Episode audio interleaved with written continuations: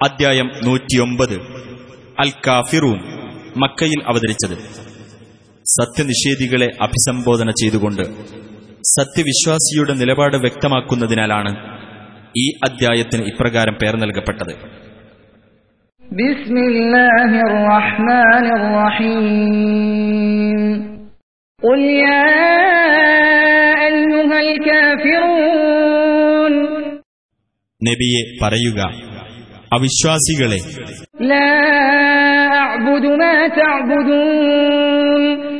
നിങ്ങൾ ആരാധിച്ചു വരുന്നതിനെ ഞാൻ ആരാധിക്കുന്നില്ല.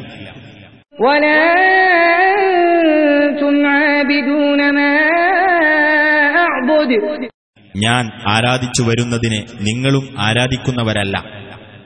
വലാ നിങ്ങൾ ആരാധിച്ചു വന്നതിനെ ഞാൻ ആരാധിക്കാൻ പോകുന്നവനുമല്ല.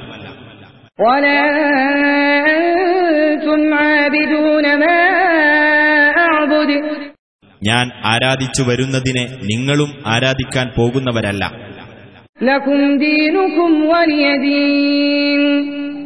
നിങ്ങൾക്ക് നിങ്ങളുടെ മതം എനിക്ക് എന്റെ മതവും.